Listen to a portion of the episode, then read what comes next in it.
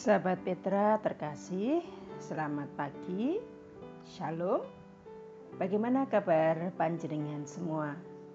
Kiranya dalam sukacita, kecukupan, dan sudahkah kita mengasihi orang lain hari ini?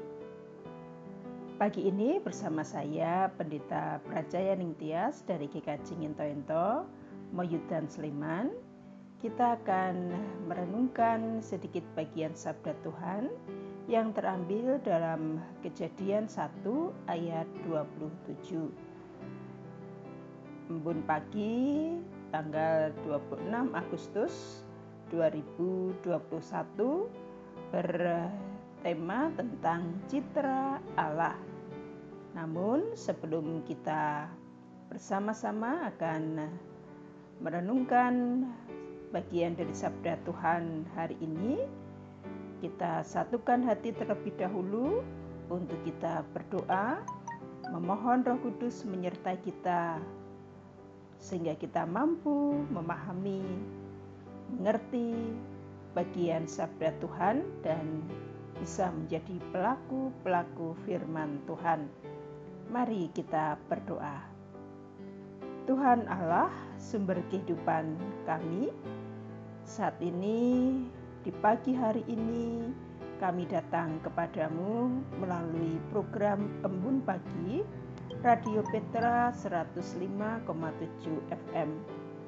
Berkati kami, para pendengar, pembawa renungan, dan juga peralatan-peralatan yang dipakai supaya kami benar-benar bisa mendengar, memahami, meresapi bagian firman-Mu dengan benar.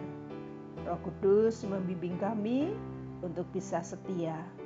Kami serahkan waktu kami hari ini di dalam tangan penyertaan dan kuasa-Mu. Di dalam nama Tuhan Yesus Kristus, doa ini kami panjatkan. Amin. Baik sahabat Petra di mana pun berada, Kejadian 1 ayat 27. Mari bersama kita simak dan kita siapkan Alkitab kita. Saya akan membacakan bagi kita semua. Demikian isi Kejadian 1 ayat 27. Demikian Allah menciptakan manusia dan dijadikannya mereka seperti dirinya sendiri. Diciptakannya mereka laki-laki dan perempuan. Demikian isi firman Tuhan dari kejadian 1 ayat 27. Dan kita akan bersama-sama membahas firman Tuhan pada hari ini yaitu tentang citra Allah. Sahabat Petra, siapakah yang dimaksud dan apa itu citra Allah? Citra Allah menurut Kamus Besar Bahasa Indonesia secara online, citra adalah sebagai rupa atau gambaran. Kalau diartikan lebih panjang lagi, yaitu citra sebagai gambaran yang dimiliki orang banyak mengenai pribadi.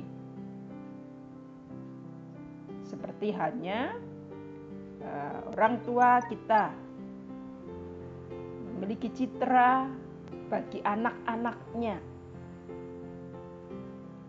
Demikian juga Allah pada manusia. Kalau dikatakan citra Allah pada manusia, tentu diartikan sebagai gambaran yang dimiliki manusia mengenai siapa pribadi Allah, bagaimana pribadi Allah itu. Lantas siapakah yang memiliki citra Allah ini? Apakah hanya Allah sendiri atau yang lainnya? Yang dimaksud sebenarnya adalah manusia atau kita sebagai ciptaannya. Tidak hanya pada satu atau dua orang, tetapi pada semua manusia ciptaan Allah.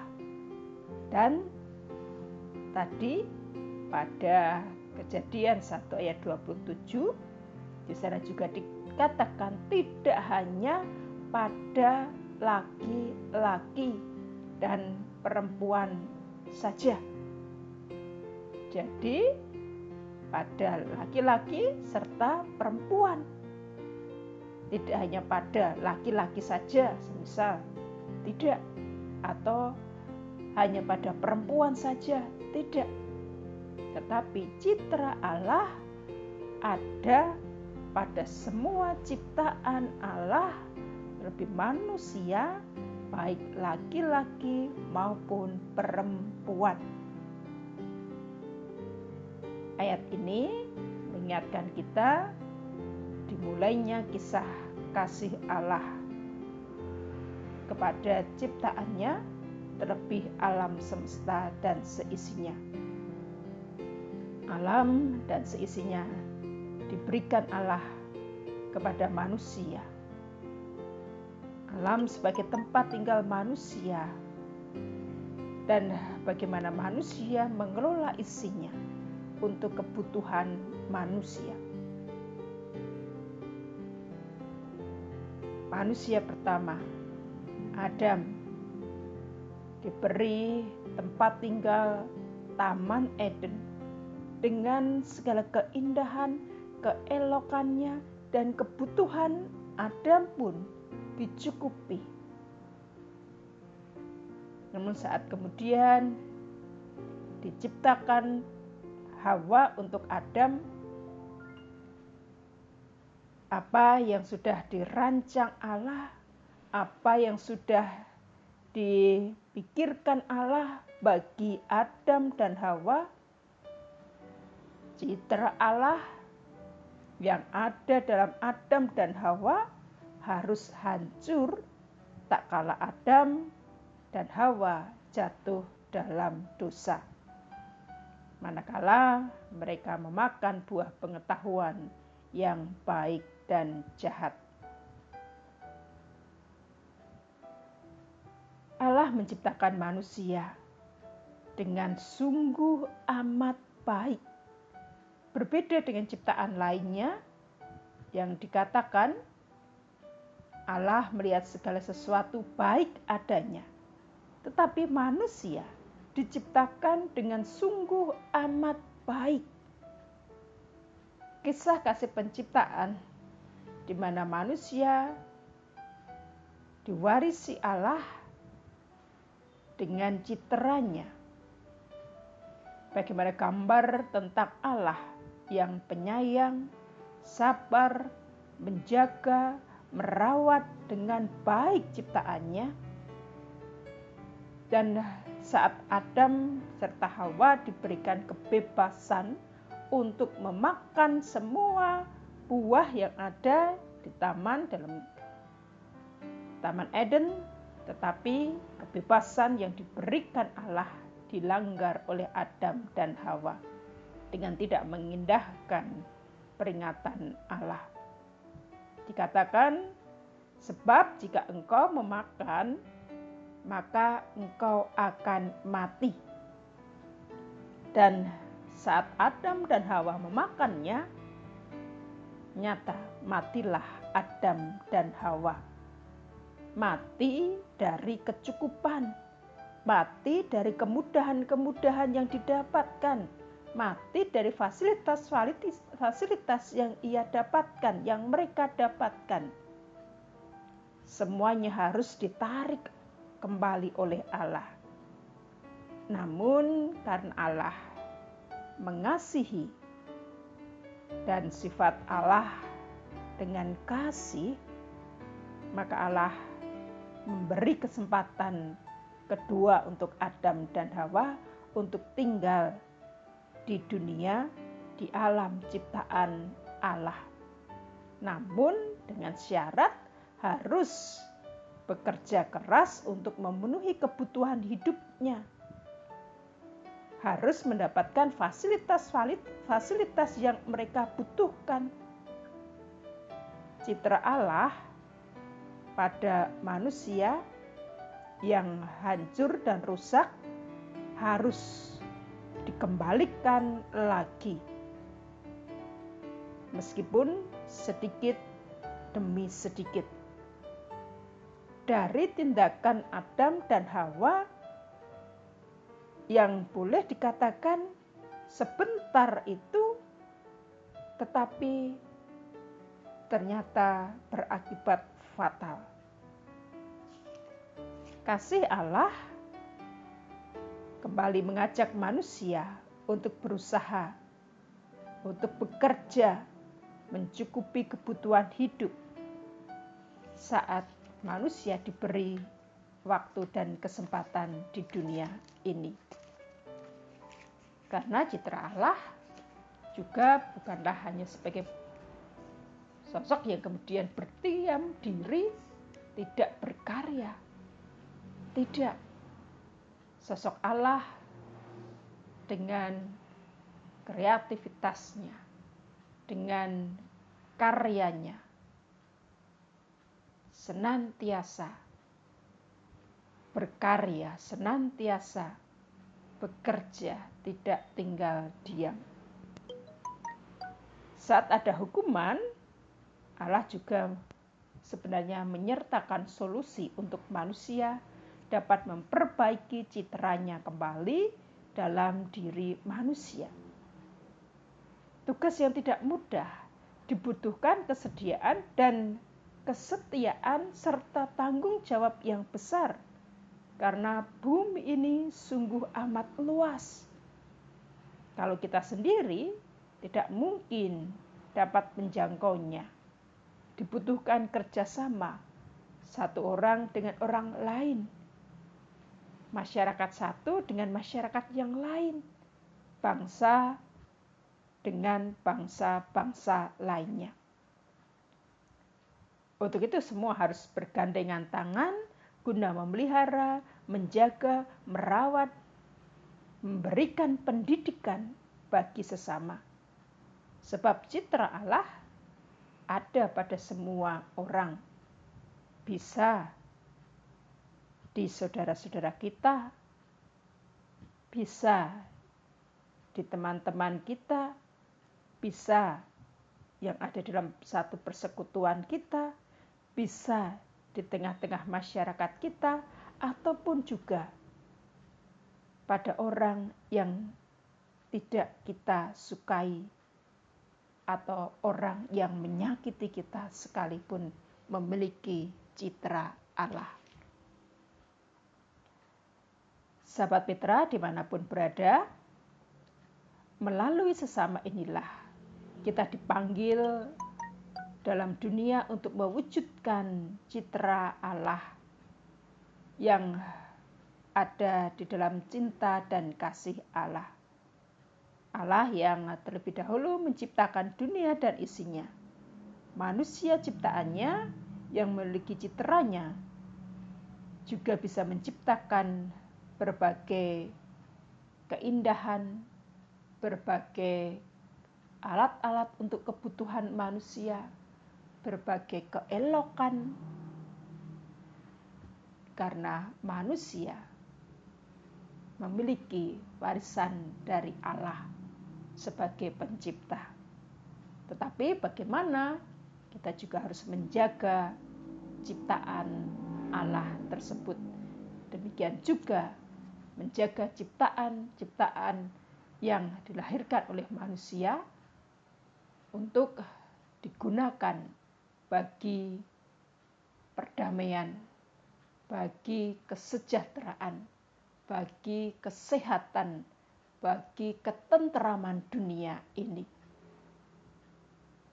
Harus ada manfaatnya, harus berguna sebagai Allah yang juga sebagaimana Allah yang juga menciptakan dunia ini pasti bermanfaat bagi ciptaannya. Allah yang juga merawat, berkuasa, dan berdaya gunakan ciptaannya. Demikian juga manusia. Manusia sebagai citra Allah yang juga dapat diartikan sebagai wakil Allah di dunia juga bertugas menjaga, merawat, berkuasa memanfaatkan isi alam ini dengan baik dan benar. Tidak kemudian dipergunakan dengan seenaknya. Sahabat Petra, di mana pun berada, saat kita menjaga, merawat, memanfaatkan apa yang sudah Tuhan berikan dalam dunia ini bagi kebutuhan manusia, ada tanggung jawab yang besar di sana.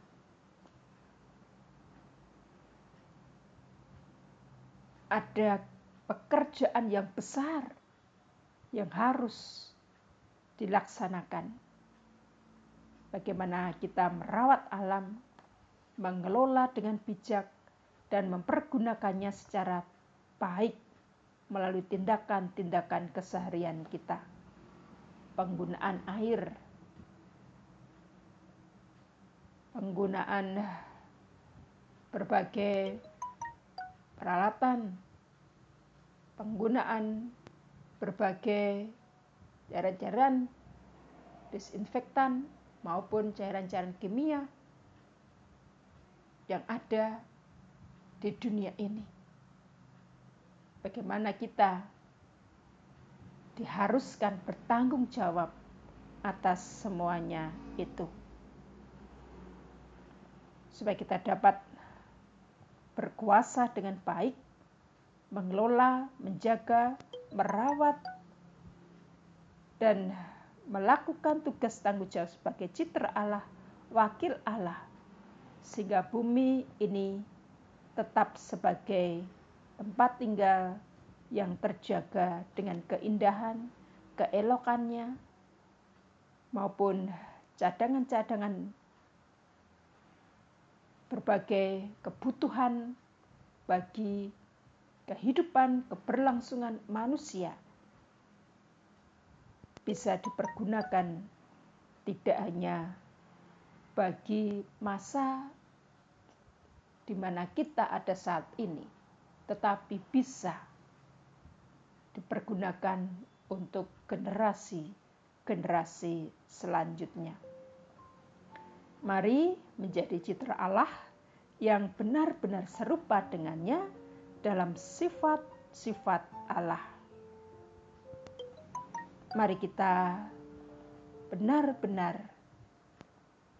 memperlihatkan diri kita sebagai citra Allah, wakil Allah yang ada di dunia melalui kehidupan keseharian kita.